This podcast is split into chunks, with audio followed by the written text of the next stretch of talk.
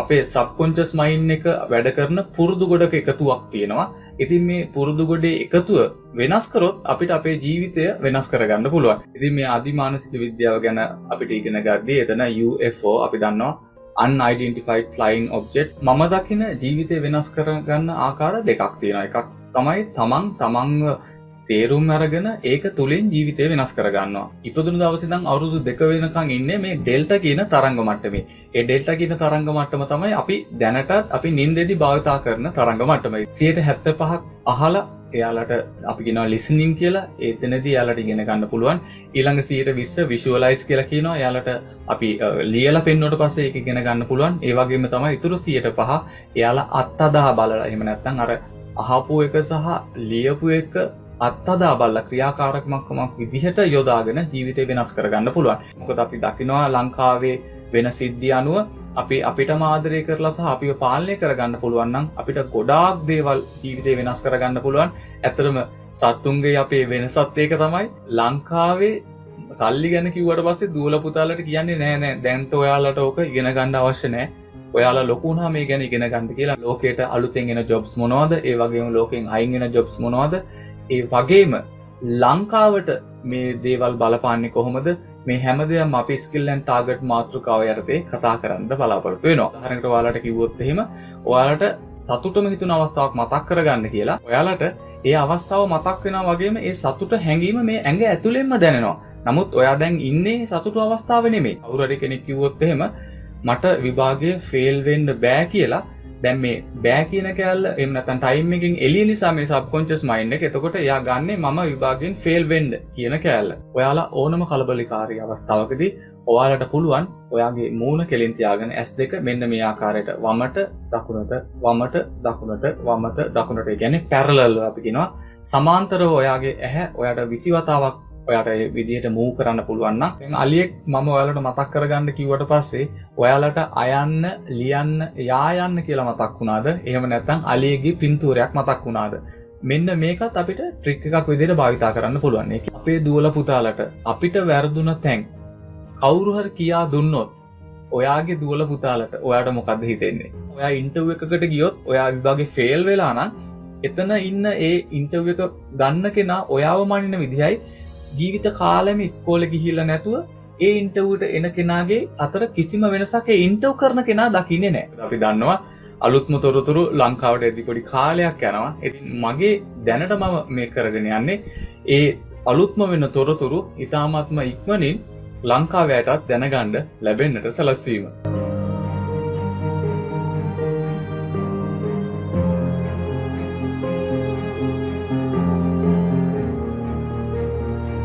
කොහොමද අදමට හිතුනා මගේ YouTube චැනල් එකෙන් පොඩි විශේෂ දෙයක් කරන්න.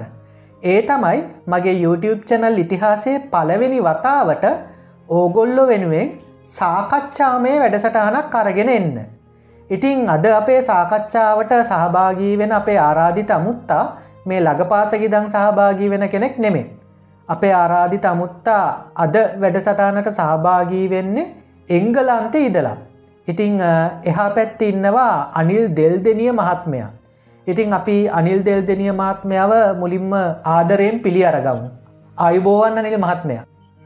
අයිබුවන් දනුල දැංගෝගොල්ල බලන ඇති අද වැඩසටහනේ මාතෘකාව මොකක්ද කියලා. ඒවගේම ඔගොලොන්ට ප්‍රශ්නයකුත් ඇති කෞද මේ අනිල් දෙල් දෙනිය කියන්න කියලා. ඉතින් අද වැඩසටහනට පුංචි පූර්විකාවක් ගත්තොත් ඊලර්නින්.ටල්කේ ආයතනයෙන් මේ ළඟදී අලුත් වැඩක් පටන් ගත්තා. ඉතින් ඒ පටන්ගත්තු අලුත් වැඩේ සම්බන්ධව තමයි අද මේ දැනුවත් කිරීම කරන්නේ. එතකොට මොකක්ද මේ අනිල් දෙල් දෙනිය මහත්මය එක්ක තියෙන සම්බන්ධය. මේ වැඩේ සිද්ධ කෙරෙන්නේ අනිල් දෙල් දෙනිය මහත්මයාගෙත් සහභාගීත්වය ඇතුව. මේ වැඩේ ගැන තව චුට්ටක් පැහැදිලි කරනවනං ඒ තමයි අපේ රටේ ඒ කියන ශ්‍රී ලංකාවේ වයසවුරුදු දහතුනේ ඉදලා වයසවුරුදු විස්ස වෙනකම්. අපි සාමාන්‍යයෙන් කියනවා ටීන්ස් නැත්නම් ටීනේජර්ස් කියලා කියනවා ඒ කියන්නේ අපේ රට ඉන්න තරුණ දවාදරුවන් වෙනුවෙන් විශේෂිත වැඩසටහනක් තමයි අනිල් දෙල්දනිය මහත්මයා මේ ඊලනින් ඩොට්ටල්ගේ ආයතනයත් එක්ක ආරම්භ කරලා තියෙන්නේ. මේක හදුන්වන බ්‍රයිට් මයින්ස් කියලා මේකෙන් වෙන්න අවුරුදු දහතුනේ ඉදල විශ්ස වෙනකං ඉන්න දරුවන්ට අවශ්‍ය කරන ඒගොලොන්ගේ ජීවිතයට අවශ්‍ය කරන ධනාත්මක චින්තනය ඊට පස්සේ මනස සකස් කර ගැනීම අභියෝගවලට මුහුණදීමට උපදෙස් ලබාදීම සහ ජීවිතය පිළිබඳව මාර්ගෝපදේශනයක් නැත්නං අපි කියන ලයිෆ් කෝචිං කියලා. ලයිෆ් කෝචිං නැත්නම් ගයිඩන්ස එකක් ලබාදීම තමයි මේ වැඩ කටයුත්තේ අරමුණ වෙන්නේ. ඉතින් තවත් කාලවේලාවය කරන්න නැතුව අපි දැන් සාකච්ඡාවට බහිමු ඉතිං අපි මුලින් අනිල් දෙල් දෙනිය මහත්මයාගෙන් අහමු කවුද අනිල් දෙල් දෙනිය කියන්න කියලා. මගේ නම අනිල් දෙල් දෙනිය. මගේ ජීවිතයම අරමුණ වනේ මේ මනස ගැන ඉගෙනගෙන ඒ මනස ගැන ඉගෙන ගන්න හැම දෙයක්ම අනිත් අයට එයාලගේ ජීවිතයට කොහොමද යොදාගන්න කියලා කියල දෙන එක. ඉතින් මම අදටත් කරන්නේ එක තමයි එංගලන්තේ මේ මනස ගැන අපිට අලුතෙම්ම හොයාගන්නට ලැබෙන තොරතුරුත් එක් කලා ඒවා ලංකාවයට වැඩිපුරම මම පණිවිඩයක් විදිහට දෙන්න කටයුතු කරන්නේ මොකද අපි දන්නවා අලුත්ම තොරතුරු ලංකාවට ඇදි පොඩි කාලයක් යනවා. ඉතින් මගේ දැනට මම මේ කරගෙන යන්නේ ඒ අලුත්ම වෙන්න තොරතුරු ඉතාමත්ම ඉක්මනින් ලංකාවයටත් දැනගණ්ඩ ලැබෙන්න්නට සලස්වීම. ඔවු එතකොට දැන් අනිල් මහත්මයාගේ ඩෙසිගනේෂන් නැත්නම් ටයිටල්ස් ටික ගත්තහම මේ ටයිටල් වල තියෙනවා මේ ලේසියෙන් අපේ සාමාන්‍ය පොදු මහජනතාවට තේරෙන් නැති වචන ගොඩක්. එකන සමහරයව තියෙනවා මට කියවගන්නත් අමාරු දැන් ඒක තියෙනවා සයිකේ ෆැසිලේට කියලා තියෙනවා. ඊට පස්සේ ඉන්ට්‍රඩක්ෂන්ට පැරාසයිකොලොජි කියලා තියෙනවා. ආයි තියෙනවා NLP සටිෆයිඩ් ලයිෆ් කෝච් එකන නියවරෝලිංගවිස්ටික් ප්‍රෝග්‍රමි ඉතිං මොනවද මේ? මොනවද මේවාය තේරුම්? ඇත්තටම හොඳ ප්‍රශ්නයක් දනුල මම දකින්නේ දැංගපේ සයිකේ ඊළඟට පැරසයිකොලජී සහ එල්ප කියලා කියන්නේ හරියටම එකම ගහක අතු වගේ.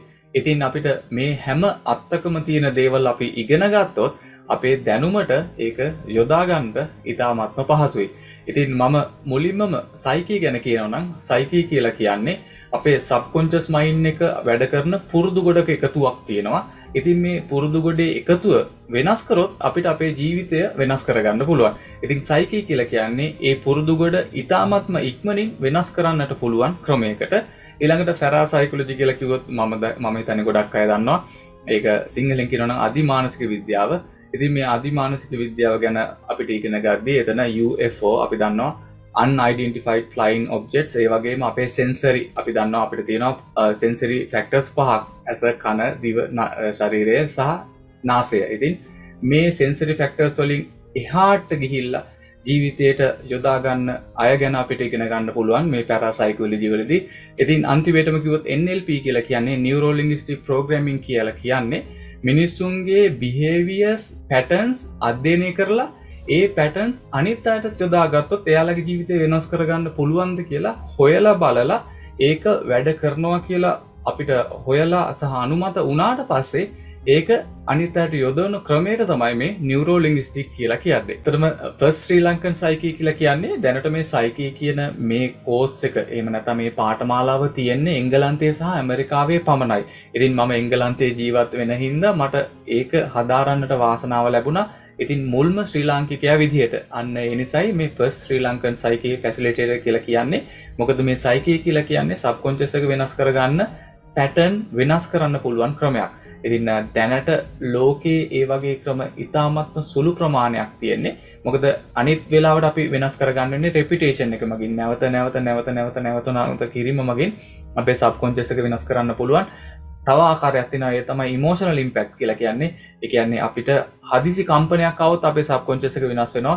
ඉතින් මේ ගැන මම ඉතාමත්ම කෙටියෙන් වලට උදාහරණයක් දෙනවා නම් අපි බලන මූවි වලදී ඉතාමත්ම අහිංසක චරිතයක්. එයාගේ පවුල කෙනෙකුට හෝ තව එයා ආදරය කරන කෙනෙකුට යාගේ සබ්කොන්ෂස් එක වෙනස් වුණාට පස්සේ අහිංසක චරිතේ වීරයා බවට පත් වෙනවා. අන්න එතන හොඳ උදාහරණයක් තමයි මේ සබ්කොන්ෂස් මයින්ඩ් එක වෙනස් වෙන ඉමෝෂනල් ඉම්පැක්ට් එක ගැන කියන්න. ඉතින් ඒ වගේම තමයි ඊළඟ ආකාරය තමයි ඉතාම ඉක්මනින් අපිට වෙනස් කරගන්න පුළුවන් ආකාරය තමයි සයිකේ NLP කියලා කියන්නේ. ඉතින් අන්නේ නිසයි මේ සයිකය ගැන මම එංගලන්තේ හදාරපු පළවෙනි ශ්‍රී ලංකිකය විදිහට තමයි මේ බස් ශ්‍රී ලංකන් සයිකේ පැසිලේටර කියලා කියන්නේ. හරි දැංගිතින් ඕගොල්ලොන්ගේ පලවෙනි ප්‍රශ්නයට උත්තරයක් ලැබෙන් ඇති ඒ කියන්නේ කෞද මේ අනිල් දෙල් දෙනිය කියන්නේ කියන ප්‍රශ්නයට උත්තරයක් ලැබෙන්න ඇති. ඉතින් දැන් අපි යමු අද වැඩ සටාන නැත්නම් අද මාතෘකාවේ ඉලක්කය වෙත.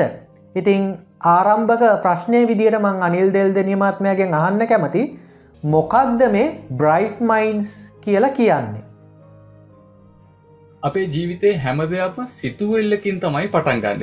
එතිපේ බ්‍රයිට් මයින් කියලා කියන්නේ අපේ දුවල පුතාලට මේ සිතුවිල්ලකින් පටන් ගන්න ජීවිතය එයාලට කැමති විදිහට වර්ධනය කරගන්න කොහොමද කියලා කියල දෙන වැඩ සටහනට උදාහරණකට කියනවා නම් දැන් මේ එඩියුකෝ කියන මේ ලතින් වචනයෙන් තමයි මේ එඩියුකේෂන් කියන වචනය හදලා තියෙන ඉතින් මේ එඩියුකෝ කියන මේ ලතින් වචනය තේරුම තමයි ඇතුළතින් වර්ධනය වීම. ඉතින් එතකොට අපි හොඳට කල්පනා කරලා බැලුවොත් අපේ දැනට මේ යන පාසල් අධ්‍යාපන ක්‍රමේදී අපේ දුවල පුතාලට එයාලගේ හැකියාව වර්ධනය කරගන්න අවකාශයක් ඇති නමුත් යම් තාක් දුරකට අපි බ්‍රයිට් මයින්් වැඩසටහනති කියලා දෙනවා. මේ පාසල් අධ්‍යාපනය වගේම තමන් කැමති තමන්ගේ මේ ඇතුළෙන් අපිට වර්ධනය කරගන්න පුළුවන්දේ කොහොමද ජීවිතයට යොදාගෙන එයාලට ඉලක්කයක් හදාගෙන ජීවිතය ඉසරට ගෙනියන්න කියලා. ඉතින් ඒ වැඩසටහන අපි ලංකාවයට මේ දූලපුතාලට කරන වැඩසටහනේ නම තමයි මේ බ්‍රයිට් මයින් කියලා කියන්නේ. ඕ දැන් එතෙන්දි අධ්‍යාපනය නැත්නම් එඩියුකේෂන් කියන වච්චනය ඒ කාරණා මතු වුණා දැන් අපේ ගත්තොත් දැන් අපේ රට ගත්තොත් අධ්‍යාපනය කිව්වම අපිට ෂණිකව මතක් වෙන්න නැත්නම් අපේ රටේ බහුතරයක් දෙනාට මතක් වෙන්න මේ විෂය මූලික නැත්නම් විෂය අනුබද්ධ කරුණු නැත්නම් සබ්ජෙක්ස් දැන් අපි ගත්තොත් සාමාන්‍ය පෙළගත්තොත් ඒලෙවල් නැත්නම් උසස් පෙළගත්තොත් අපිට මතක් වෙනෝ ගනිතය විද්‍යාව ඉංග්‍රීසි භාෂාව තොරතුරු තාක්ෂණ සන්නිවේදන ඉතිහාසය සිංහල භාෂාව ඔය වගේ විෂයන්. ඊට පස්සේ අපි කැම්පස් පැත්තට ආවොත් නැත්නම් පාසලෙන් පස්සේ කාලය ගත්තොත් එහෙම නැත්න අපි කියන උසස් අධ්‍යාපනය කියලා.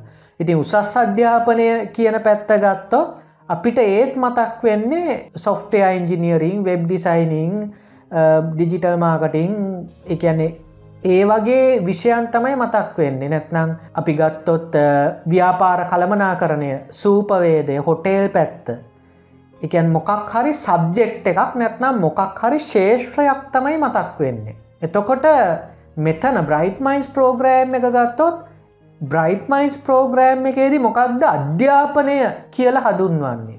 ඇත්තටම ඔවු ද මොකද අපි අධ්‍යාපන වැඩ සටනක් කිව ගවම් අපිට මතක් කලා එන්නේ අර විෂයන් සම්බන්ධ කරුණු.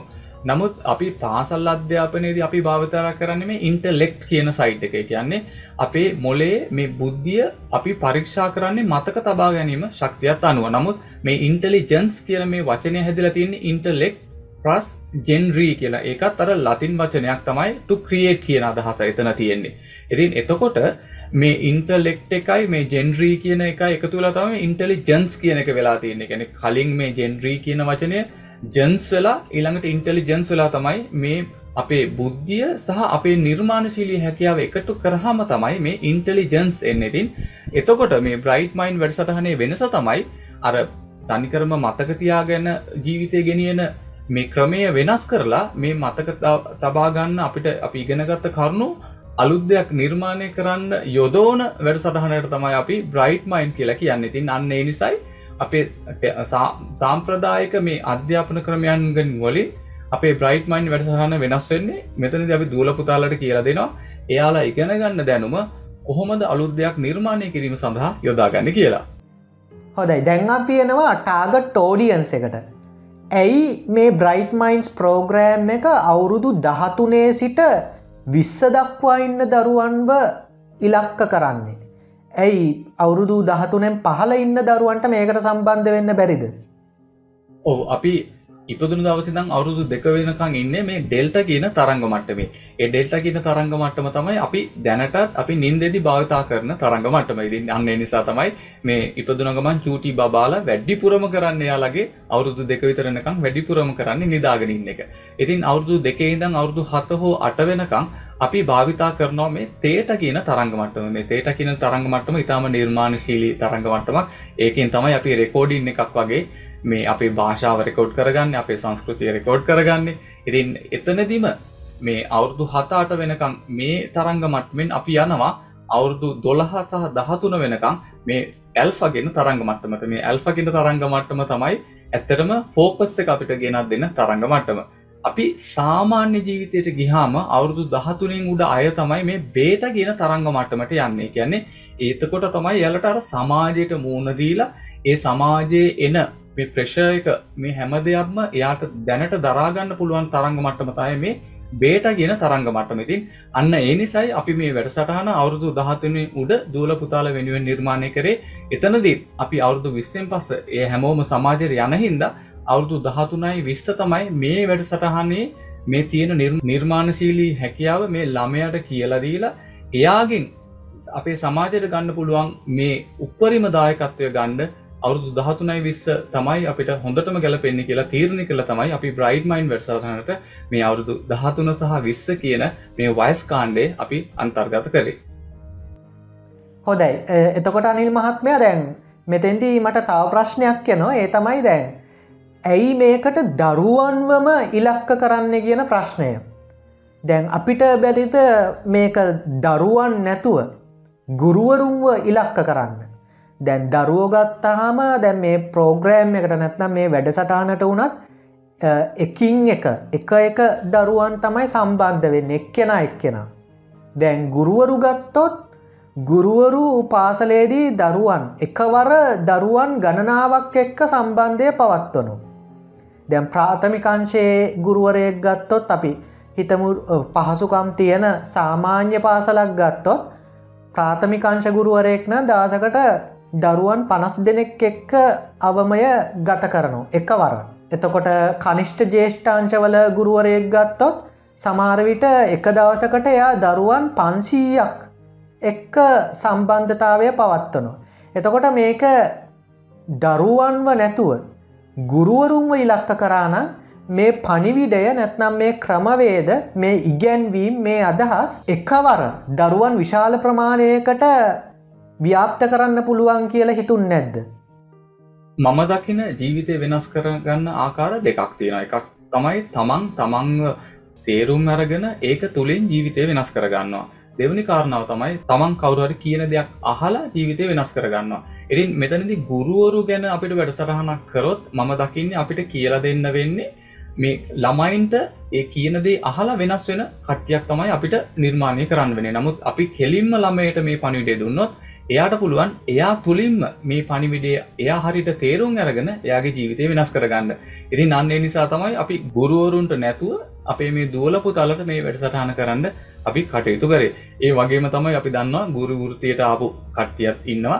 සමහර කෙනෙක් එයා ඇත්තටම එයාගේ ජීවිතයේ අරමුණ මේ ළමයින්ට උදව් කිරීම සහ උගන්නන එක හින්දා ඒ වෘතියට ඇවිල්ලා තියෙන පුළුවන්. ඒ වගේම තව කෙනෙක් ඇවිල්ලා තියෙන පුළුවන්. ආදායමක් ගණ්ඩ ඕන නිසා එයාගේ වෘතිය විදිහට යාට ගුරු වෘතිය තෝරගන්න වෙන අවස්ථාවල් තියෙන්න පුළුවන්. ඉතින් මෙන්න මේ කාණ්ඩ දෙකේදී අර මම කලින්කිව විදිහට එයාගේ පැෂන් එක එහෙම නැත්නම් එයා ඇත්තටම ළමයින්ට උගන්නලා එයා ජීවිතයේ අනිතයට දැනුම දෙන්න කැමති කෙනෙක් නම් අපිට මේ වැඩසටහන ඇත්තටම යාට ඩිරෙක්ලි මේක කරලා යාව වෙනස් කරන්න පුළුවන් නමුත් අර මම කිව්ව දෙවෙනි කොට්ටාසයට අපිට ටිකක් අමාරු එයා මුදල් හම්බ කරන සහ යාට වෘත්තීය විදිහට ගුරු වෘත්තිය තෝරගන්න වුණා නම් එතකොට අර ඇතුළතින් වර්ධනය වීම ගැන අපි මට තේරෙන විදිහට එයාට පොඩි කාලයක් යනවා. ඉතින් අන්න නිසා තමයි අපි දුවල පුතාලට මේ වැඩසටහන කරලා එතකොට එයාලා මේ සමාජයට යන්න කලින් එයාලගේ උපරිම දායකත්වය ගන්න විදිහට මේ බ්‍රයිට් මයින් වැඩසටහන නිර්මාණය කළේ. හොදයි දැන් අපියන ඊළඟ ප්‍රශ්නයට මේ දේශන මාලාව අනිල් දෙල් දෙනිය මහත්මයා කරන්න තනියෙන් නෙමේ නේද. මම හැමවෙලේම විශ්වාස කරන දෙයක් තමයි අපි ජීවිතයේ කාටහර දෙයක් කියනවනම් අපිට ඒකට උදාහරණක් එක්කම ඒ දේ කියා දෙන්න පුළුවන්නම් එයාට ඒක වටිනාකම වැඩි සහ යායක පිළිගන්න ප්‍රතිසතය වැඩේතින් අන්න එනිසාම මේ වැඩසටහනේ අමිදු තෙන්නකොන් සහ ලහිරු රත්නායක මේ දෙන්නම සහභාගි වෙනවා. එයාලගේ විශේෂත්වය තමයි අමිදු තෙන්න කොන්න අවුරුදු දහටයි ලහිරු රත්නායකට අවුරුදු විස්සයි. ඒ දෙන්නම ඩිප්ලෝමයින් සයිකොලජි ඇන් කවන්සිලින් අධ්‍යයනය කරලා තියෙනවා IMBS කැම්පස් එකේ. ඊළඟට ස්ටඩී චයි සයිකොලජි CCPRC ඉතින් මේ දෙන්නම මේ වැඩසටහනට සුදුසුයි සහ එයාලගේ වයසත් එක් කලා මට පෙන්න්න ඕනුනා එයා තමන් කැමතිදේ ඇත්තටම තමන් තුළින් වර්ධනය කරගත්ත අය ලංකාවේ දැනටත් ඉන්නවා කියලා ඉතින් අන්නේ නිසා ඒ දෙන්නම මේ වැඩසටහනේදී අපේ දූලපුතාලාට ආදර්ශයක් වෙන ගමම්ම එයාලගේ ඒ සයිකොලජිවල තියෙන දැනුමත් ඔයාලත් එක්කලා ෂයා කරන්නට කටයුතු කරන්නේ. ඉතින් මෙන්න මේ නිසා තමයි අපි මේ ගුරුවරු දෙන්න මේ වැඩසටහනට යොදා ගන්නට කටයුතු කරේ. එතකොට මේ දේශනමාලාව ඉදිරිපත් කිරීමේ ආකාරය මොන වගේද. අපි හැමෝම දන්නවා අපේ ජීවිතයේදී අපි ඉගෙන ගන්න ආකාරය වෙනස් වෙනවා. සියට හැත්ත පහක් අහල එයාලට අපි ගෙන ලිස්නිං කියලා. ඒතනදී යාලට ඉගෙන ගන්න පුළුවන්. ඊළඟ සියට විස්ස විශුවලයිස් කියලා කියනවා. යාලට අපි ලියල පෙන්වට පස්සේ එක ගෙන ගන්න පුළුවන්. ඒවගේම තමයි ඉතුරු සියට පහ එයාලා අත්තදා බලලා. එහම නැත්තං අර අහපු එක සහ ලියපු එක අත්තදා බල්ල ක්‍රියාකාරකමක්කමක් විදිහට යොදාගෙන ජීවිතය වෙනස් කරගන්න පුළුවන්. ඉතින් අපේ වැඩසරන්න හදලා තියෙන්නේ කෙනෙකුට අර විශුවලයිස් කරන කෙනට අපි ප්‍රසන්ටේෂන් එකක් මගින් සහ ඔඩිටරි කෙනාට අපි වැඩසටානී පැහැදිලි කරන එක හලා සහ අපි ක්‍රියාකාරකම්වල දෙන කෙනාට මේ අපේ හැම කෝස් එකක මේ මෙනත මේ සබ්ජෙට් එක අවසානයදිම තියෙන ක්‍රියාකාරකම යෙදිලා එයාට ඒ ගත්ත අධ්‍යාපනය එයාලගේ ජීවිතයට බද්ධ කරගන්න ක්‍රමයට කටයුතු කරගන්නට පුළුවන්. ඉතින් අන්න ඒ නිසාම අපි මේ තුංගොල්ල ගැනම හිතලා අපේ මේ වැඩසටහන බ්‍රයිට් මයින් වැඩසටහන අපි අපේ දුවල පුතාලට ගෙන එන්නේ ඒ හැම ආකාරයකින්ම ඔයාලගේ ජීවිතයට මේ වැඩසටහන උප්පරිම දායකත්වය ගන්න පුළුවන් විදිහට. හොදයි ඉතින් අපි මෙච්චර ප්‍රශ්නහපු එක මේ පාටමාලාව නැත්නම් මේ ප්‍රෝග්‍රෑම් එක එහෙමත් නැත්නම් මේ වැඩසටහනේ කියල දෙන විෂයකරුණු සම්බන්ධ වැැහුව නැත්නම් ඒක ලොකු අඩුවක්නේ. ඉතින් අපි කැමති මේ ප්‍රෝග්‍රෑම් එක කෝස් කන්ටෙන්ට් එක. නැත්නම් අන්තර්ගතය තියෙන්නේ මොනවද? ඒ කියන මොන වගේ දේවල්ද අනිල් දෙල් දෙනිය මහත්මයා අපේ දරුවන්ට කියල දෙන්න බලාපොරොත්තු වෙන්නේ? සහ ඒ ඒ දේවල් වල තියෙන විශේෂත්වයන් මොනවද? මොනවද ඒවායෙන් දරුවන්ට ගන්න පුළුවන් දේවල්? මොනවද මේවා කියලදීමේ අරමුණු වගේ දේවල් සම්බන්ධව දැනගන්න. මම වැඩසරහනේ කලින් කිව් ආකාරයටම අපේ මනසෙන් තමයි අපි හැම දෙයක්ම පටන් ගන්න. ඉතින් අපේ පාසල් අධ්‍යාපන ක්‍රමේදී අපේ දූලපුතාලට මේ මනස ගැන කියලා දෙන්නෙම නැති තරම්.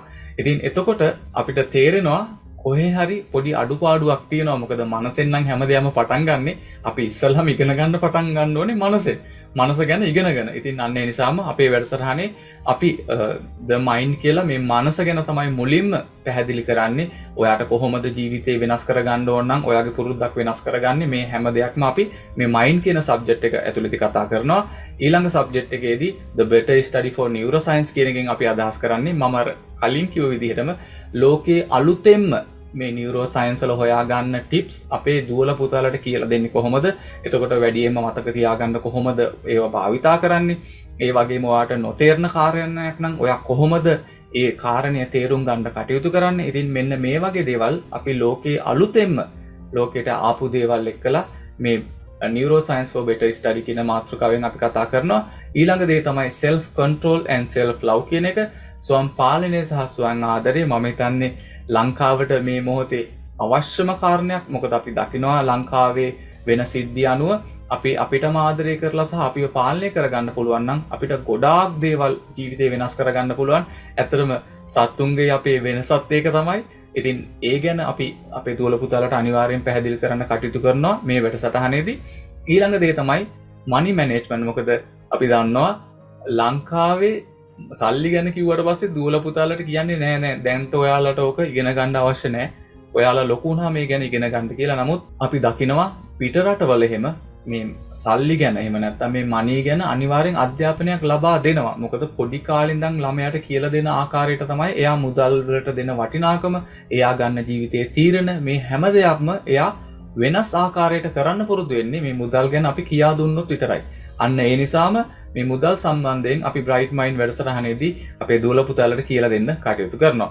ඉතින් අන්තිම අපි මාතෘකා විදිරගන්න ස්කිල් සැන්ටාගට් එතකට මම මුලින්ම කිව් ආකාරයට එඩියකෝ කියන වචනය මේ ග්‍රෝ විතින් තමන් තුළින් වර්ධනය වෙද්දි තමන්ගේ හැකියාව මොකක්ද කියලා අඳුරගෙන ඒ හැකියාව ඉලක්කයකට යොදාගෙන ඒ ඉලක්කය ජීවිතයේදී සම්පූර්ණ කරගෙන ඉතාමත්ම සතුටින් ජීවත්වෙන ළමෙක් හදන්ඩ අපි මේ ස්කිල්ලන් ටාගට් කියන මේ මාතෘකාව යටදි කතා කරන වගේම ලෝකයට අලුතෙන්ගෙන ජොබ්ස් මොනවද? ඒ වගේම ලෝකෙන් අයිගෙන ජොබ්ස් මොනවද? ඒ වගේම ලංකාවට මේ දේවල් බලපාන්නේ කොහොමද? මේ හැමදයම් අපි ස්කිල්ලන් ටාගට් මාතෘකාව යටතේ කතා කරන්න බලාපොරොත්තු වෙනවා. දැන් ගොඩක් කට්ටිය මේ වගේ වැඩසටාන් වලදී හැමතිස්සම මයින්් එක නැත්නම් සිතුවිල්ල ගැන තමයි කියන්නේ. මයින්් එක මෙහෙම හදාගන්න කියලා. දැන් අනිල් දෙල්දනිය මහත්මයාගේ වැඩසටානයේ තියෙන දෙයක් තමයි ඒක මයින්් එක නැත්නම් සිතුවිලි වලටම ලගු කරන්න නැතුව තව තව දේවල් ගැන කතා වෙනවා. දැන් අපි ඔබතුමා කලිනුත් කිව්වා කළමනා කරණය වගේ දේවල් ගැන හිටන් කතා වෙනවා. හැබැයි වචන ගැන කතා කරනවා මම අහලා නෑ ඉතිං වචන වලට මොන වගේ දෙයක්ද කරන්න පුළුවන්? ජීවිතය ජයග්‍රාහණය කිරීම වෙනුවෙන්.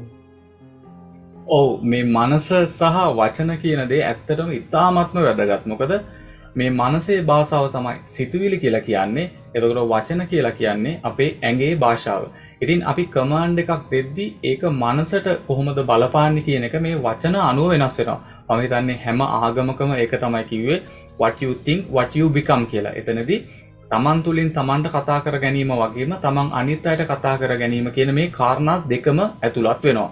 මොකද සබ්කොන්චස් මයින් එක මේ වෙලාවෙන් එලියනි දැම උදාහරණට වාලට කිව්වොත් එහෙම ඔයාලට සතුටම හිතුන අවස්ථාවක් මතක් කරගන්න කියලා ඔයාලට ඒ අවස්ථාව මතක් වෙන වගේම ඒ සතුට හැඟීම මේ ඇඟ ඇතුළෙන්ම දැනෙනවා. නමුත් ඔයා දැන් ඉන්නේ සතුට අවස්ථාව නෙමේ අන්න එනිසයි කියන්නේ මේ සබ්කොන්චස් මයින් එක වෙලාවෙන් එලිය තියෙන ඉතින් මේ සබ්කොන්චස් මයින් එකට කතා කරන්න ඕන භාෂාවේ ඉතාමත්ම වැදගත් කෑල්ලක් තමයි සබ්කොන්චස් භාෂාවට නෑ බෑ කියන දේ තේරෙන්නේ නෑ. මොකද එයා වෙලාවෙන් එළියේ ඉන්නේ. දැන් කවුරු හරි කෙනෙක් කිව්වොත් එහෙම මට විභාගය ෆේල් වෙන්න බෑ කියලා දැන් මේ බෑ කියන කෑල්ල එහෙම නැත්නම් ටයිම් එකකින් එළිය නිසා මේ සබ්කොන්චස් මයින්ඩ් එක එතකොට එයා ගන්නෙ මම විභාගයෙන් ෆේල් වෙන්න කියන කෑල්ල. ඉතින් අන්න ඒ නිසාම ඒක අපිට හරවන්න පුළුවන් මේ ටයිම් එකට ගැලපෙන විදියට මම විභාගය පාස් වෙනවා එතකොට ඒක එයා ගන්නවා සබ්කොන්චස් මයින් එක ගන්න අර වටයු තිංක් වටයු බිකම් කියලා වගේම ඔයා ඉල්ලන්න දේ තමයි වාට හම්බෙනෙදි අන්න නිසා ඉතාමත්ම වැදගත් මේ වචන හැසිරීම ඒ වගේම තමයි මම ගොඩක් වෙලාවට කියන දෙයක් තමයි අපි ප්‍රශ්න කියල කියද්දි අපිට තේරෙනවා ඇඟ හිරවෙලා ප්‍රශ්නයක්. හරිම අමාරුයි ඇඟට. නමුත් මමවාට කිවොත් ඒ ප්‍රශ්නය වෙනට අභියෝගයක් දාන්න කියලා අභියෝගයක්. ඒ කියන්නේ ඔයාට ඒක ජයගන්න පුළුවන්. ඔයාට දැනෙන හැඟීම වෙනස් වෙනවා.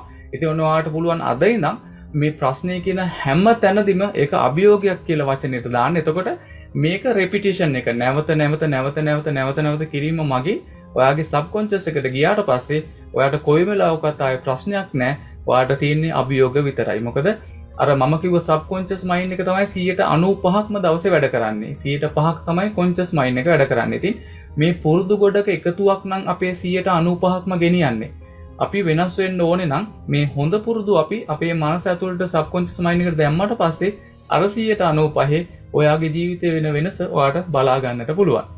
ඒ වගේම අපිට සබ්කොන්චස් මයින් එකෙන් තවත් වැඩිපුර වැඩගන්න පුළුවන් ක්‍රමයක් තමයි අපිට ඒදේ ලැබුණා විදියට හිතලා අපිට දවසේ පොඩි වෙලාවක් අපිට එහෙම කල්පනා කරලා ඒ ෆීලිං එක කියන්නේ අපේ හිතට ඇඟට මේ දැනෙන විදිහ ගැන ඒ අපිට මතක් කරගන්න පුළුවන්නම් එක තවත් වැදගත් වෙනවා. ඉතින් එතකොට මමර කලින්කිව උදාහරණෙදී මම විභාගේ පාස් වනා කියන මේ හැඟීම ඔයාට දැනගන්න පුළුවන්නම් ඔයට විඳින්න පුළුවන්න ඒක අනිවාර්යම වෙන්න පුළුවන් කියලා තමයි මේ ලෝ ෆැක්ටක්ෂන් ගැන කියන අය කියනවා වගේම මේක විද්‍යාත්මකම කියනවනම් මෙන්න මෙහෙම තමයි මේක වෙන්න කියලා මම දැන් වලට පැහැදිලි කරලා දෙන්න දැන් අපි අපේ සිතිවිලි සහ අපේ ඇඟ හැමවෙලේම වයිබ්‍රේට් වෙනවා. එතකොට මේ ලෝ ෆැක්ටක්ෂන් වල පළවෙනි නීතිය තමයි ලෝ වයිබ්‍රේෂන් කියලා කියන්නේ. කියන්නේ අපේ සිතුවිලි සහ අපේ ඇඟ එක විදිහට වයිබ්‍රේට් වෙදි තමයි අපිට ඒ සමාන සිතුවිලි තමයි අපිට ඇට්‍රක් වෙන්න. ඉතින් ඒ වගේ මමාර කිව් විදිහට ඔයාට අවශ්‍යදේ ඔයා ඒකදේ උනා කියලා ඉද්දි ඔයාගේ වයිබ්‍රේෂන් එක වැඩි වෙනවා. මේ අපිට හොඳටම බලාගන්න පුළුවන්. ඔයාලා Google එක සර්ච් කරොත් human emotional frequency chart කියලා ඒකෙදි පෙන්නනවා. ඔයාට මේ ජෝයි හැපිනස් වගේ දේවල් තමයි මේ චාට් එකේ උඩ තියෙන ඉතින් අර හැඟීම ඔයාට එක ඔයාට එක ලැබුණා කියලා ඔයා එක විදිද්දි ඔයා ඉතාම සතුටින් ඉන්න. ඉතින් ඔයාගේ ප්‍රීකුවෙන්සි චාට් එක වාට වැඩිපුරම ඉහලට යන්න පුළුවන් වෙද්දි ඔයාට අනිද්දේවල් ලබාගන්න ඉතාමත්ම පහසු වෙනවා. මොකද සබ්කොංචස් මයින් එක මේ ප්‍රීකුවෙන්ස එක වෙනස් කරන්න වෙනස් කරන්න ඔයාට ඔයාට අවශ්‍ය දේට ළඟාවෙන්න පුළුවන් ඉක්මනටම. ඉතින් අන්න එනිසා තමයි මේ ප්‍රීකුවෙන්සි එක වැඩි කරන්න විදිහට අර සබ්කොංචස් එකේදී අපි එදේ ලබාගත්ත විදිහට අපේ ප්‍රක්ටිස් කරන්න කියලා කියන්නේ. දෙන් මම හිතනවා අර ලෝ පැට්‍රක්ෂන් කියන මේ කතා විතරක් අහලා නෙමේ නමුත් ඒක කොහොමද වෙන්නේ කියලා මේ ප්‍රීකුවෙන්සි එක වැඩි කරන ආකාරයෙන් වාට තේරුම් යන්න ඇති කියලා. හොදයි දැන් අපි එමු අපේ සාකච්ඡාවේ අවසාන අධියරයට දැන් අපි දැකල තියෙනවා මේ පොසිටව් තිංකින් ප්‍රෝග්‍රෑම් ඕන තරන් අපේ ලංකාවේ තියෙනවා. ඒවගේම තමයි ඔය ළමයින්ගේ විභාග ලං වෙනකොට ශිෂ්ෂත්වය වෙන්න පුළුවන් ඕලෙවල් ඒලෙවල් ඒ වගේ අර විභාගලං වෙනකොට අපි දකිනවා පාසල් වලින් එහෙම Uh, මනෝවිද්‍යාඥයෝ නැත්නම් උපදේශකවරු ගෙන්වලා පොසිටව් තිංකින් ප්‍රෝග්‍රම්ස් නැත්නම් මේ ධනාත්මක චින්තනය සම්බන්ධ වැඩසටාන් සිද්ධ කරනවා. හැබැයි මේ NLP කියන වචනය ගත්තොත් නැත්න නිවරෝලිංගවිස්ටික් ප්‍රෝග්‍රමින් කියන එක ගත්තොත් අරමං කලින් කිව්වත් වගේ මේක අපේ රටට හරි අලුත් එකන සමාරයට අලුත් නැතිවෙන්න පුළුවන් මේක අපේ රටේ ඉස්සරිදම තියෙන වච්චනයක් වෙන්න පුළුවන් හැබැයි පොදු මහ ජනතාවට මේක අලුත් දෙයක්. මෙන්නල්ප නිවරෝලිංගවිස්ටික් ප්‍රෝග්‍රමිං සහ මේක ගත්තාම ධනාත්මක චින්තනයටත් වඩා එහා ගිය එකක්. එකන මනස කොහොමද ප්‍රෝග්‍රෑම් කරන්න කියන එක. කොහොමද මේක ෆික්ස් කරන්නේ ප්‍රෝග්‍රෑම් කරන්නේ. තියෙන දෙයක් රීසෙට් රීප්‍රෝග්‍රෑම් කරන්නේ. ඉතිං එහෙම ගත්තොත් මේ වැඩ සටහන විල්ලා අපේ ලංකාවේ එකන මේ වගේ දෙයක් එල්ප හරා සිද්ධ වෙන පලවෙනි අවස්ථාවද මේ? විශේෂයෙන් අපේ රටේ තරුණ තරුණියන්ව ඉලක්ක කල්ල කෙරෙන පලවෙනි වැඩසටහනද මේ. ඕ මම හිතන්නේ මේ පලවෙනි වැඩසටහන කියලා මොකද ලංකාවේ වැඩසටහනක මනස ගැන කතා කරනවා මම දැනුවත්ව මට හම්බෙලා නෑ. ඉතින් කවුරර ඉන්නවනම් නෑම යෝගේ වැඩසටහන් තියෙනවා කියලා කියන්න. එතකොට අපිට මේ YouTube වීඩියෝ එක කමෙන්ටයක් විදිර දාන්න පුළුවන්. නමුත් මගේ දැනුවත් භාවය අනුව සහ ලහිරු සහ අමිදුගේ දැනුවත් භාවය අනුව මේක තමයි මනස සහ මුදල් වගේ දේවල් ගැන කතා කරන පලවිනි වැඩසටහන අපේ දුවල පුතාලා වෙනුවෙන් හදලා තියෙන. හොදයි පුළුවන්ද මේ පාටමාලාව නැත්නම් මේ වැඩසටහනේ ඉදිරිපත් කරන පොඩි ප්‍රායෝගික ක්‍රියාකාරකමක් අපිට කියල දෙන්න. නැත්නම් ජීවිතය ජයගන්න පොඩි ට්‍රික් එකක් කියල දෙන්න. හරි එනම් මම නිවරෝ සයින්සලින් අලුතෙම හොයාගෙන තියෙන ඔයාට කලබලකාරී අවස්ථාවකදී ඒ වගේ මට පොඩි පීඩනයක් වගේ දැනෙනනම් ඔයාට භාවිතා කරන්න පුළුවන් ටෙක්නික් එකක් මම වලට කියලා දෙන්නම්. ඉතින් මම කන්නාඩිය ගලෝල ඉන්න මොක දෙතකොට වලට හොඳටම ඒ ගැන පේන නිසා. ඔයාලා ඕනම කලබලිකාරී අවස්ථාවකදී ඔයාලට පුළුවන් ඔයාගේ මූුණ කෙලින්තියාගෙන ඇස් දෙක මෙන්න මේ ආකාරයට වමට දකුණට වමට දකුණට වමට දකුණට. ගැන පැරලල්ල අපිකිෙනවා සමාන්තර ඔයාගේ ඇහැ ඔයාට විසිවතාවක් ඔයාට විදිහට මූ කරන්න පුළුවන්න එම නැත්තං ඔයාගේ ඇහැ චලනය කරන්න පුළුවන්නම් ඔයාට ඒක ඔයාගේ ස්ට්‍රෙස් එම නැත්තං ඔයා පීඩනකාරී අවස්ථාවක ඔයාට එක ගොඩක් වෙලාවට උදව්වේවි දැම් මේක වෙන්න කොහොමතු කියලත් පොඩ්ඩක් කියනවනම් අපි ඇවිදගෙන ඉස්සරහට යද්දී අපි අවට වටපිටාව විදිහා බලබල තමයි යන්න. ඉතින් ඒ අපි ඉස්සරහට යනවා කියන්න එතන සේෆ් කියලා තමයි අපේ මේ නිියවරෝනවලට මේ මැසේජ් එක යන්නේ. ඉතින් අන්නේ නිසා ඔයා එක තැන ඉඳගෙනවාට ප්‍රශ එක කාපු වෙලාවක ඔයාට ඇහැ මෙන්න මේ විදිර කරනවා නම් එතකොට මේ බ්‍රේන් එක යන සිගනල් එක තමයි ඔයා සේෆ් ඒවාගේම ඔයා ආරක්ෂාකාරී පරිසටක තමයි ඉන්න කියනගෙතින් එතකොට ඔයාට මේ ටෙක්නික භාවිතා කරන්න පුළුවන්. ඔයාගේ මනසට පීඩාකාරී අවස්ථාවක් අවුත් කාත් කට්ටියක් එක්කල ඉද්දි නැත්තම් බස් එකකදී ඔයාට මේ වගේ ඔයා එක තැන ඉන්න වෙලාවකදී ඔයාට මේ ටෙක්නික භාවිතා කරන්න පුළුවන්. ඔයාගේ මේ මනසි තියෙන පීඩනය යම්තාක් තුරකටවාට අඩු කරගන්නට.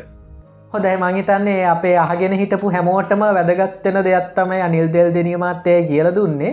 ඉතිං මේ වගේ ප්‍රායෝගික ක්‍රියාකාරකම් නැත්නම් මේ වගේ පොඩිපොඩි ට්‍රික්ස් තව කොච්චර ප්‍රමාණයක් මේ වැඩසටානය ඇතුළත් වෙනෝද ඒවා නම් වශ්‍යයෙන් අපිට කියන්න පුළුවන්කමක් තියෙනෝද ඔව අපි වැඩසටහන ඇතුළෙදී සෙල්ෆිමේජ් ගැන කතා කරනවා. ඒක තමයි අපි අපි ගැන කොහොමද මැනගෙන ඉන්න විදිිය සහ ඒක වෙනස් කරන්න කොහොමද කියන එක.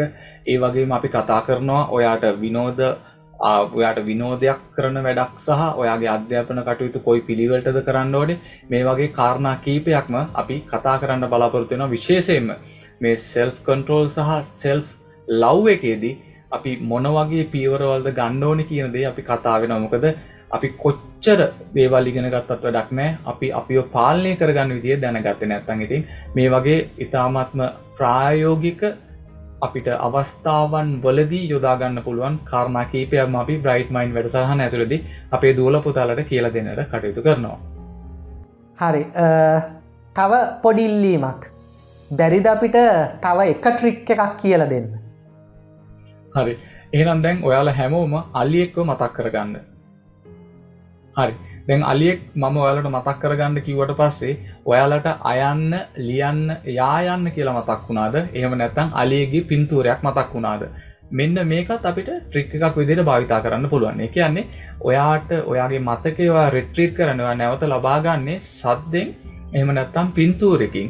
ඉතින් අන්න ඒ නිසා ඔයාට පුළුවන්නම් ඔයාගේ මතක තියාගන්න දේවල් උදාහරණයට සමීකරණ වගේ දෙයක් පින්තූරකින් මතක තියාගන්න. එහෙම නැත්තම් අපි අහලා තියෙනවා උපුල් ඊළඟ නැවෙන් ගිහින් දම්මෙන් ඉදිද බලාවාරෙන්. එකන්නේ සද්‍යයක් විදිහට හෝ පින්තූරයක් විදිහට ඔයාට අවශ්‍ය මේ විශේෂ දේවල්වට මතක තියාගන්න පුළුවන්නම් ඉතින් අන්න ඒක ඔයාට ඉතාමත්ම ලේසියෙන් ඔයාට විභාගකදි වගේ දෙකදි නැවත මතක් කරගන්නට හැකියාව තියෙනවා. අන්න ඒ නිසා අපි දැනගන්න ඕනේ පින්තූරවලින් හෝ සද්දවලින් අපිට දේවල් මතක තියාගන්න පුළුවන්නම් ඒක ඉතාමත්ම පහසුවෙන් නැවතවාට ලබා ගැනීමේ හැකියාව තියෙනවා. හොදයි පැහැදිලි. තව දෙයක්. මේ පාටමාලාවට සම්බන්ධ වෙන හැමෝටම අනිල් දෙල්දනිය මහත්මයා විශේෂ තෑග්ගක් ලබා දෙනවා කියලා ආරංචියත් තියෙනවා. මොකක්දේ? ඔව ඇත්තටම මේ තෑග්ගන සුවිශේෂීම එකක් මොකද ලංකාවේ දුවල පුතාලාට මමාර කිව්වෝ විදිහටම උදාහරණත් එක්කල අපිට දේවල් කියලා දෙන්න පුළුවන්න එක ඉතාමත්ම වටිනවටින් මේ ලෝකයේ හිටපු විශේෂම පුද්ගලයන් පන්සිය දෙනගේද ඉතාමත්ම ජීවිතය සාර්ථක කරගත්ත තෝම සල්වා එඩිසන් ඒ වගේම මාකෝනි මේ වගේ පුද්ගලයන්ගේ ඇත්ත ජීවිතය චිත්‍රපටයකට හරෝලා මේ චිත්‍රපටි අපි වලට ලබා දෙනවා සිංහල උප සිරිසි සමගව. එතකොට ඔයාලට ඔයාලගේ අම්මල තාතලටත් ඒක බලන්න පුළුවන් ඔයාටත් ඒක බලන්න පුළුවන්. ඒ වගේම ඔයාගේ ජීවිතය අනිවාර්යෙන්මම වෙනස් වෙනවා කියලා මට එතනදි කියන්න පුළුවන්. මොකද මේ චිත්‍රපටිය අන්තර්ජාලය කොහෙවත් ලබාගන්ට නෑ ඉතින් අන්න ඒ නිසාම ඔයාලට මම අපි මේ ලබා දෙන තෑග්ග ඉතාමත්ම වටීවි කියලා මම අනිවාර්යෙන් විශ්වාස කරනවා. එතනදි අපි මේ මූවික ගන්න අපි යාලට ඊමේල් කරලා යාලගේ අවසරය අරගෙන තමයි මේ ප්‍රොජෙක්් එක කරලා තියෙන්නේ. ඉතින් අන්න ඒ නිසා මේ වගේ මූව එකක් කොහොමත්ම ලංකාවේ අයට බලන්නට මම දන්න තරමින් අවස්ථාවක් නෑ මේ වෙද්දි ඉතින් අන්නේ නිසා අපි මේක තෑගක් විදිර දෙන්න කටයුතු කරනවා. අපේ බ්‍රයිට් මයින් කෝස් එක ගන්න දූල පුතාලට.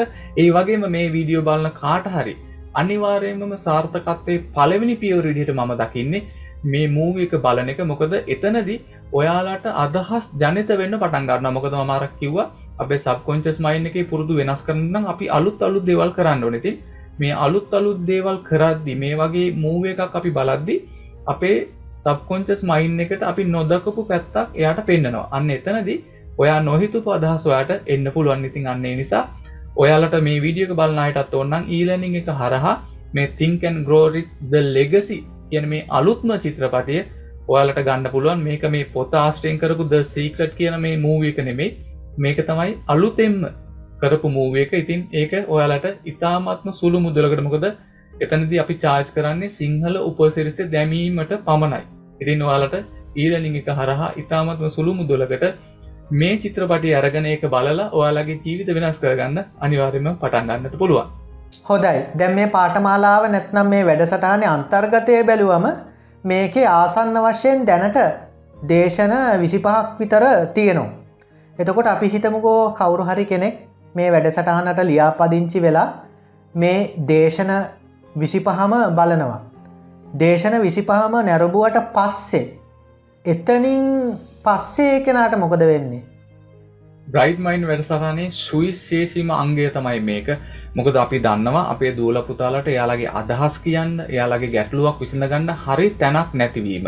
ඉතින් අන්න එනිසාම මේ වැඩසටහන ගන්න දූල පුතාල වෙනුවෙන් අපි වත්සත් ගරුප් එකක් හදලා තියෙනවා. මෙතනදි ම කිවවිදිර අපිට ගුරුරු තුන් දෙනෙකින්නවා ඉතින් ඒ දුවල පුතාලට කැමති කාලයක්. මොකද අපි දන්නවා එයා අවුදු මේ ගන්න මොහොත දවතු දහතුන ඉන්න පුළුවන්. යවුරුදු තිහ වෙනකං හත්තලිහ වෙනකං එයාලගේ ජීවිතයට අවශ්‍ය කාලයක් වෙනකං මේ වත්සබ් ගරුප් එකෙදී උදව් ගන්නට යාලට අපි අනිවාර්යයෙන්ම සහයෝගය ලබා දෙනවා. මොකද මම කිව්ව විදිහට අපි ගුරුවරු තුන් දෙනෙක්. මෙතන ගුරුවරු එක්කෙනෙකුට වඩා ඉන්න හින්දා අපිට පුළුවන් මේ කිව්ව ප්‍රොමිස් එක මේ කිව්ව පොරොන්දු අපිට ෆුල්ෆිල් කරන්න අනිවාර්යෙන් පුළුවන්. මොකද එතකොට එක්කෙනෙක් නැති වුණත් අපිට මේ අපේ දුවල පුතාලට අවශ්‍ය ජීවිතයේදී උදව්ව අපිට ඉස්සරහට ලබා දෙන්න පුළුවන්. මෙතන අනිවාර්යෙන්ම ගුරුවරු තුන් දෙනෙක් මේ වැඩසටහනේ ඉන්න හින්දා. ඉතින් මම හිතනවා ඒක ඔයාලගේ ජීවිතයට ලොකු උදව්වක් වේවි. මොකද ඔයාලට ඕනම අභියෝගයක් ආපු වෙලාවකදී ඔයාලට පුළුවන් අපි වෙන වෙනම සම්බන්ධ කරගන්න හෝ ඒ ඒ ප්‍රශ්නය ඔයාලගේ එතන වත්තා ගරූප් එකට දාලා පොදුවේ උත්තරයක් ලබා ගන්න හෝ ඔයාට පුළුවන්. ඉතින් මම හිතන්නේ ලංකාවේ වැඩසටහනකදී දෙන මේ වගේ ජීවිතයට උදව් කරන පළවෙනි අවස්ථාව මේක තමයි කියලා මම දකින්නේ. මොකද මේ වගේ සර්විස් එකක් අපි දෙන්න බැඳලා තියෙන්නේ අපිට මුදල් අවශ්‍ය වගේම අපේ දුවල පුතාලගේ ජීවිතයට අනිවාර්යයෙන්ම උදව් කරන එක අපිට ලොකු වගකීමක් කියලා අපි දැක්ක හින්දා තමයි මේ වගේ වැඩසටහනකට අපි මෙන්න මේ වගේ ෆැසිලිටි එකක් අනුගත කරේ. හොඳයි දැන් අද අපේ මේ වැඩසටහන එක එක වයස් මට්ටම් වල ඉන්න අය බලනව වෙන්න පුළුවන් සමහර විට අපි මේ බ්‍රයිඩ්මයින්ස් එකින් ඉලක්ක කරන වයසවුරුදු දහතුනේ සිට විශ්ස දක්වා කැටගරයේ ඉන්න නැත්නම් වර්ගීකරණය ඉන්න තරුණ දුවලපුතාල බලනව වෙන්න පුළුවන්. එහෙම නැත්නම් ඒ අයගේ දෙමාපියෝ බලනව වෙන්න පුළුවන් නැත්නම් ඒ අයගේ අයියලක් කලා බලනව වෙන්න පුළුවන්. ඉතිං අද මේ වැඩ සටාන බලමින් ඉන්න අයට අනිල් දෙල් දනිය මහත්මයට මොනවද අවසාන වශයෙන් කියන්න තියෙන්නේ. ඔවමට මුලින්මම දෙමවපියන්න පනිඩිය විදිහට දෙන්න තියෙන්නේ මේ වැඩ සටාන බලද්දි මේ අපේ දුවල පුතාලට අපිට වැරදුන තැන් කවුරුහර කියා දුන්නොත් ඔයාගේ දුවල පුතාලට ඔයාට මොකක්ද හිතෙන්නේ.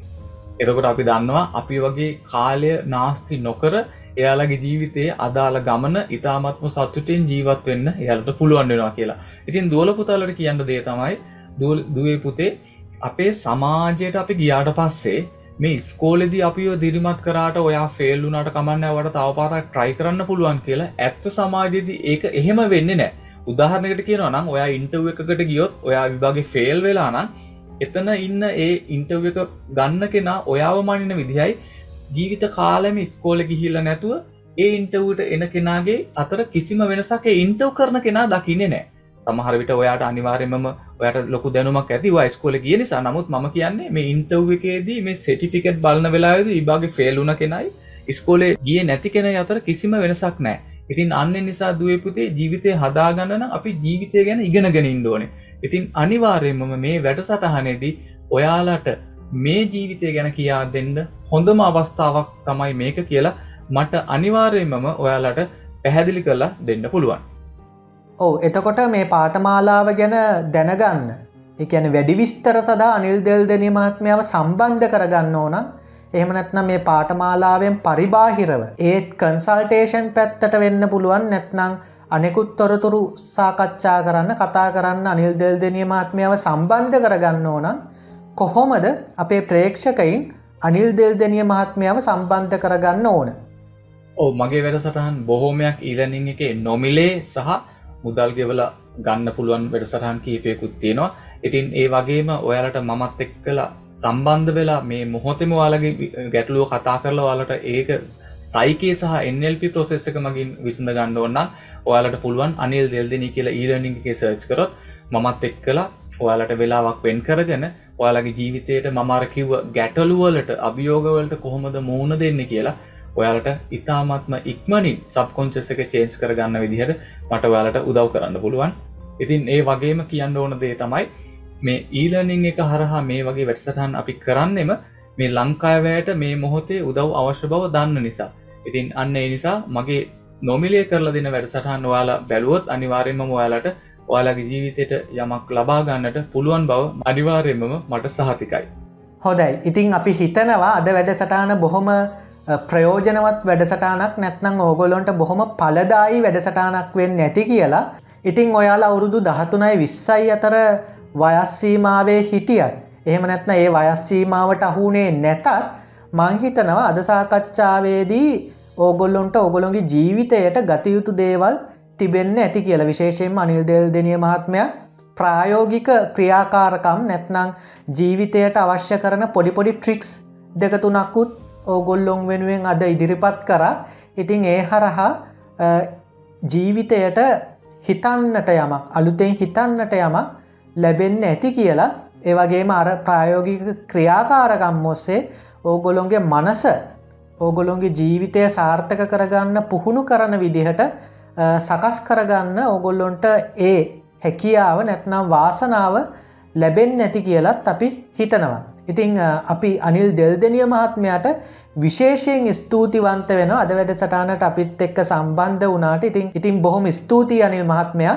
තැංකි සෝමස් දනුල ඔයාගේ වෙලාවත් මේ ලංකාවයාය වෙනුවෙන් යොදාගත්තට මොකද මම දකින්නේ කාලීන අවශ්‍යතාවයක් අපි අපිටම උදව් කරගන්න ඕනේ. ඉතින් මේ වැඩසටහනෙන් ගත්ත දැනුම ඔයාලගේ ජීවිතයට යොදාගන්නවා වගේම මේ වැඩසටහන බලන අයගේ දුවල පුතාලා බ්‍රයිට් මයින් වැඩසටහනට සම්බන්ධ කරන්න. එතකොට එයාලගේ ජීවිතය වෙනස් වෙන විදිහ ඔයාලටම බලාගන්න පුළුවන්.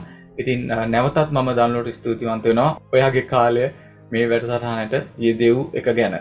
හොදයි ඉතින් අපි අනිල් දෙල්දනිය මහත්මයට නැවතවරක් ස්තුතිවන්ත වෙන අත්තරෙම මේ වැඩසටහන බලමින් ඉන්න ඕගොල්ලොන්ට කියනවා දැම්ම යන්න එපා. තව විශේෂ නිවේදන කිහිපයක් සහ මතක් කිරීම් කිහිපයක් තියෙන ඉතින් අපි ඒ ටිකත් කියනකන් චුට්ටක් රැදිල ඉන්න කියලා.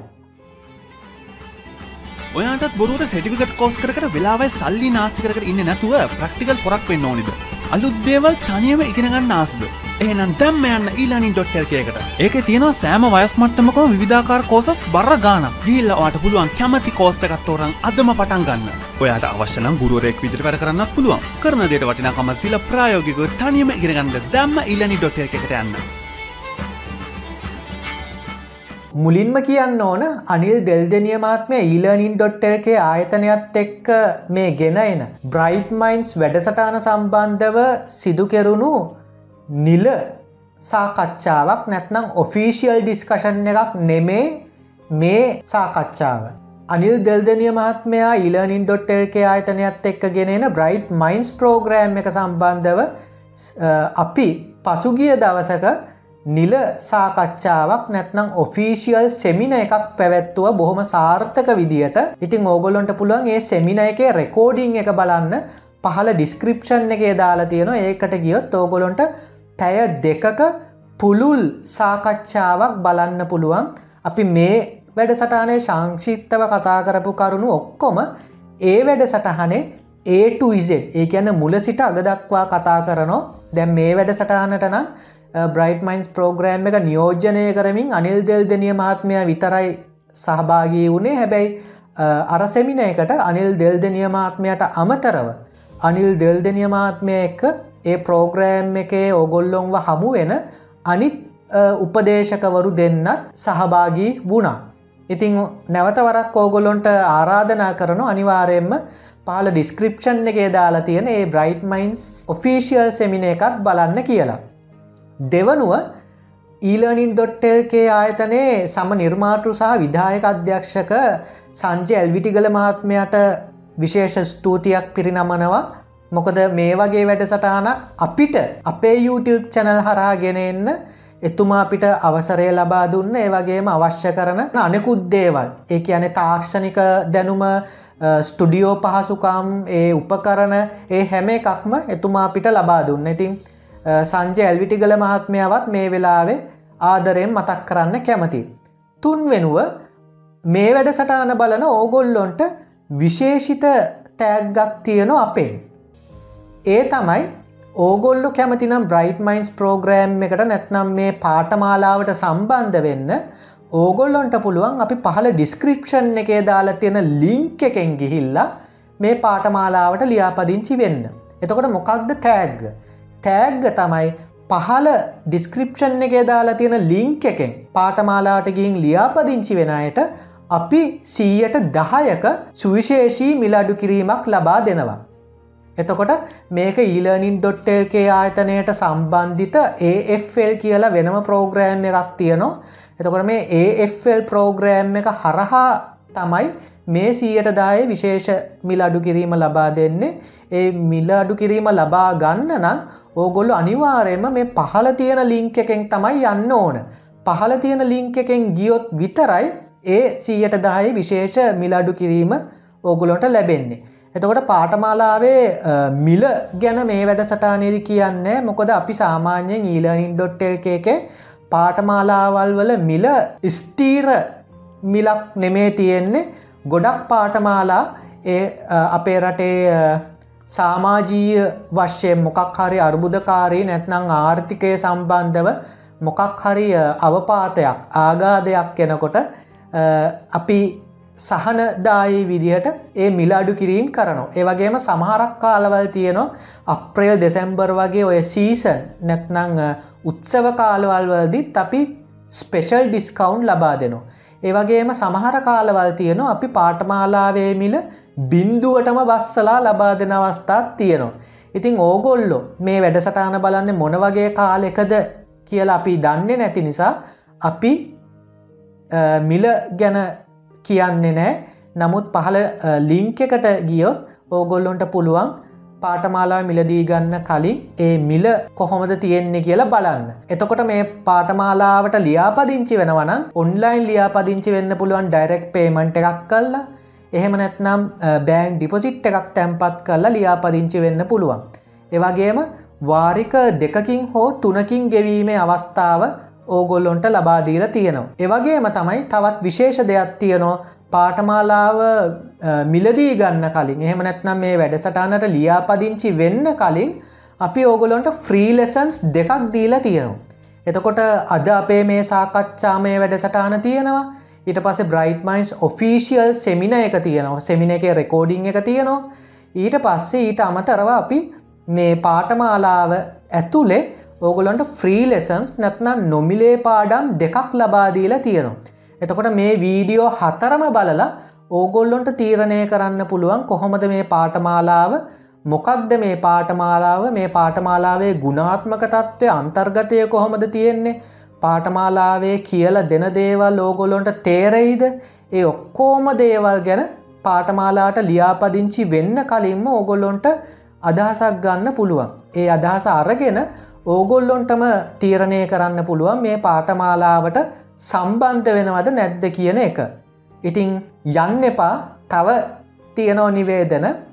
ඒවගේම තමයි අනිල් දෙල්දනියමාත්මය ඊලනින් ඩොට්ට එක ආයතනයත් එක්ක එකතු වෙලා තවත් මේ වගේ වැඩසටන් ගොඩක් සිද්ධ කරා. ඒවගේම පාටමාලා ගොඩක් තිබ්බ දේශනමාලා තිබ්බ. ඉතින් ඒ හැම පාටමාලාකම දේශනමාලාකම ලිංක්ස් පහලින් දාලා තියෙනවා. අනිවාරයෙන්ම එව්වත් බලන්න එව්වටත් ලියා පදිංචි වෙන්න පුළුවන්. විශේෂයෙන් අනිල් දෙල්දනියමාත්ම ඊලනින් ඩොට්ටල් එකත් එක්ක කරපු පලවෙනි පාටමාලාව එක අන්න නියවරෝ ලිංගවිස්ටික් පෝග්‍රමිං NLP ගැන කෝස් එකක් කරා. ඒකට වයස් බේදයකින් තොරව දැම් මේ බ්‍රයිට් මයින්ස් එකේ නම් අවුරුදු දහතුනයි විස්සයි අතරනේ. හැබැයි NLP පාටමාලාවට නැත්නගේ දේශනමාලාවට වයස් බේදයකින් තොරව ඕනෑම කෙනෙක්ට වැඩිහිටිය අයට පවා සම්බන්ධ වෙන්න පුළුවන්.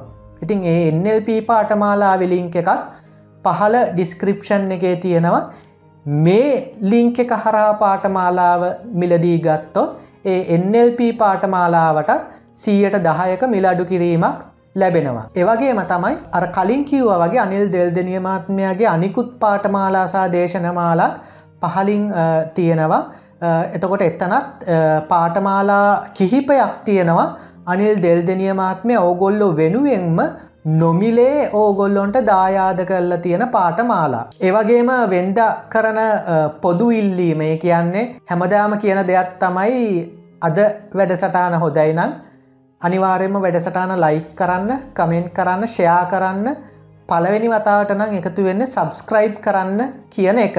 ඉතින් ඒකත් මතක් කරන ගමම්ම ඒකටත් තව එකතු කිරීමක් කරන්න වෙනවා. මොකද අද මම මේ වැඩසටාන කරන්න තනියෙන් නෙවේ නිසා. ඉතිං අනිල් දෙල්දනිය මාත්මයාගෙත් සියලුම සමාජ මාධ්‍යවල ලිංක්ස් ෆස්බුක් ටික්ටොක් YouTube ඒ හැම සමාජ මාධ්‍යයකම ලිංක්ස් පහලින් අපි දාලා තියෙනවා. ඒවගේම ඊලනින්.ටල්ක ආයතනෙත් හැම සමාජ මාධ්‍යයකම ලිංක්ස් අපි පහලින් දාලා තියෙනවා. ඉතින් එව්වටත් ගිහිල්ල බලන්න. එව්වත් ගිහිල්ල ලයික් කල්ල ෆලෝ කල්ල නැත්නම් සබස්ක්‍රයිබ් කල්ල නැත්නම් එව්වත් කරන්න. එතකොට ඕගොල්ලොන්ට පුළුවන් ඊලනින්.ටල්ක ආයතන වගේම අනිල් දෙල්දනිය මහත්මයා ඉස්සරහදී කරන්න ඉන්න වැඩසටාන් සම්බන්ධ ඉස්සරාදී කරන ව්‍යාපෘති සම්බන්ධව විස්තර දැනගන්න සහ ඕගොල්ලොන්ටත් ඒවට සහ සම්බන්ධ වෙන්න සහ එව්වට උදව් කරන්න. ඉතිං අනිල් දෙල්දනි මහත්මයට නැවතවතාවක් ස්තුතිවන්ත වෙන අතරම අද වැඩසටානෙන් අපි සමුගන්නවා. තවත් මේ වගේම සාකච්ඡා මේ වැඩසටානකින් අපි ඉදිරියේදී හම්බවමු ඉතිං අද වැඩසටහන ආරම්භය ඉදල අවසානය වෙනකන් ශ්‍රවණය කරපු ඔයාලටත් ගොඩක් ස්තුති ඉතිං තවත් මේ වගේම වැඩසටානකින් හමුවනතුරු ඔබ සැමට සුබ දවසක්. නක කිව්වා UFO කියල වචනයක්. සහ ඒක මේ මිස්ටනිල් ටිකක් එක්ස්පෑන් කල්ල කිව්වා අන්න ඉඩන්ටිෆයිඩ් ෆ්ලයිං ඔබ්ජෙක්ස් කියලා. අධිමානසික විද්‍යාව යටතට ගැනනෝ කියලා. එතන අන්න ඉඩන්ටිෆයිඩ් ෆ්ලයිං ඔබ්ජෙක්ස් කියන්නේ ඔය සාමාන්‍යෙන් අපි කියන ඔය හදුනා නොගත් අභ්‍යාවකාශයානයි කෙන පිටසක්වල ජීව විද්‍යාට සම්බන්ධ ඒ අනු කොටසද? සහ ඒක එහෙම නං ඒක කොහොමද දැන්? මේ ඒ පැත්තට ඒ ගැන දැන් අපි සාමාන්‍යයෙන් නිකං මනෝවිද්‍යාව මානසික විද්‍යාව ඔය වගේ වච්චන ගත්තහම එකන මිනිස් මනස කේන්ද්‍ර කරගෙන නෝ කියලා. නෑ එකන අපිට සාමාන්‍යයෙන් හිතෙන්නේ. එතකොට ඒ වගේ එකක් කොහොමද මේ පැත්තට එන්නේ? ඕ ඇත්තටම මේ මෙන්න මෙහෙම එක පැහැදිලි කරන්නකෝ එතකොට දැන් අන්යිඩන්ෆයි ලයින් ඔබ්ෙට් කියන්න හරි පියාමන පිරිසි වගේ පිටසක්වල යනා තමයි. එතකොට එතනද අධිමානසික විද්‍යාවට එක කියා දෙන්නේ දැන් අපේ සෙන්සරි කැන අපේ සෙන්සරි ෆෙක්ටර්ස් වලින් ඉහලට ගිය මනුස්සයකුට ඒක සමහර වෙලාවට දැනෙනවා සහ බලන්න පුළුවන්. එහෙම දෙයක්. ඒ කියන්නේ දැන් හිතන්නකෝ දැන් අපිට පේන අපේ අපි දන්නවනේ අපේ දෘෂ්ටි කෝණයට පේන්නේ බොහොම ටිකයිනේ. එතකොට අධිමානසික විද්‍යාව ඉගෙන ගත්ත සහ ඒ කියන්නේ ඒකෙන් උගන්වන්නේ ඒ වගේ සෙන්සරි ෆැක්ටර්ස් වලට එහා ගිය මිනිස්සු ගැන උදාහරණයකට. එතකොට එතනදී එයාලට සමහර වෙලාවට පුළුවන්කමක් තියෙනවා ඒ වගේ යානා දැක ගන්න සහ එතනදී එතනින් එහාට තව කට්ටිය ඉන්නවා. ඒ කියන්නේ ඒක ඔප්පු කරලා තියෙනවා ලිපිවල එහෙම ෆොටෝස් එහෙම දාලා. එතකොට යාලා අඩුම ගානේ මේ පිටසක්වල ජීවින් එක එකතු වෙලා දැන් හිතන්නකෝ මම ඩවුන්ලෝඩ් කරනවා මම පිටසක්වල ජීවිකය කියලා වැඩක් කරනවා. දැන් කොළඹ මම මේ මෙන්න මේ මොහොතට මම මේ මොනහර දෙයක් එකන නෙලුම් කුළුණ උඩට මම රතුපාට ලයිට්ටක් ගහනවා. ඒ වගේ එහෙම කරපු අවස්ථාවල් තියෙනවා. ගැන්නේ ගොඩක් මේ කතාස්ති ගැන කතා ගැන කියා දෙනවා සහ ඊටත් වඩා එතකොට ඒක ගැන ඒක අර ඔප්පු කරන්න පුළුවන් විදිිය සාධක එක්කලා ලිපිවල පල කළ උදාහරණට කියනවා දැන් එක්කෙනෙක් කියනවා අද අධිමානසික විද්‍යාව ගැන කියා දෙද්දී එයා කියනවා මේ දැන් උදාහරණ අද කියනවා හෙට මෙන්න මේ වෙලාවට මේ ෆ්ලයිට් එක කඩා වැටෙනවා මෙන්න මෙතන කියලා. ඊට පස්සේ එයායි වයිෆු එතනට යනවා. එතකොට එතන තියෙනවා අර මේ ෆ්ලයිට් මේ සංදර්ශනයක් ඒක එකක් කඩාගෙන වැටෙනවා. ඒ කියන්නේ ඒක නිකන් අර අහම්බුවක් කියලා නෙමෙයි ඒ ඒ පාටම යානාව තමයි කැඩෙන්නේ. එහෙම උදාහරණයකට. ඉතින් එතකොට ඒක තමයි එතනදී කියා දෙන්නේ. නමුත් ඒක අපේ මාතෘකාවට ගැලපෙන්නේ නැත්තම් මම කියන්නේ ඒක too advanced නම් අපි ඒක අයින් කරමු. ඒකත් කිසි ප්‍රශ්නයක් නැහැ. එතකොට නමුත් අර අධිමානසික විද්‍යාවදී ඒ ගැන කියා දෙන්නේ ඒ එතන අධිමානසික විද්‍යාව කියන්නේම සාමාන්‍ය මිනිසුන්ගේ මනසට වඩා දෙයක් ග්‍රහණය කරගන්න පුළුවන් මිනිස්සු ගැන තමයි උගන්වන්නේ. අන්න ඒ නිසා අන්න ඒ නිසා තමයි මම එහෙම එතනට දැම්මේ. ඕකේ thank you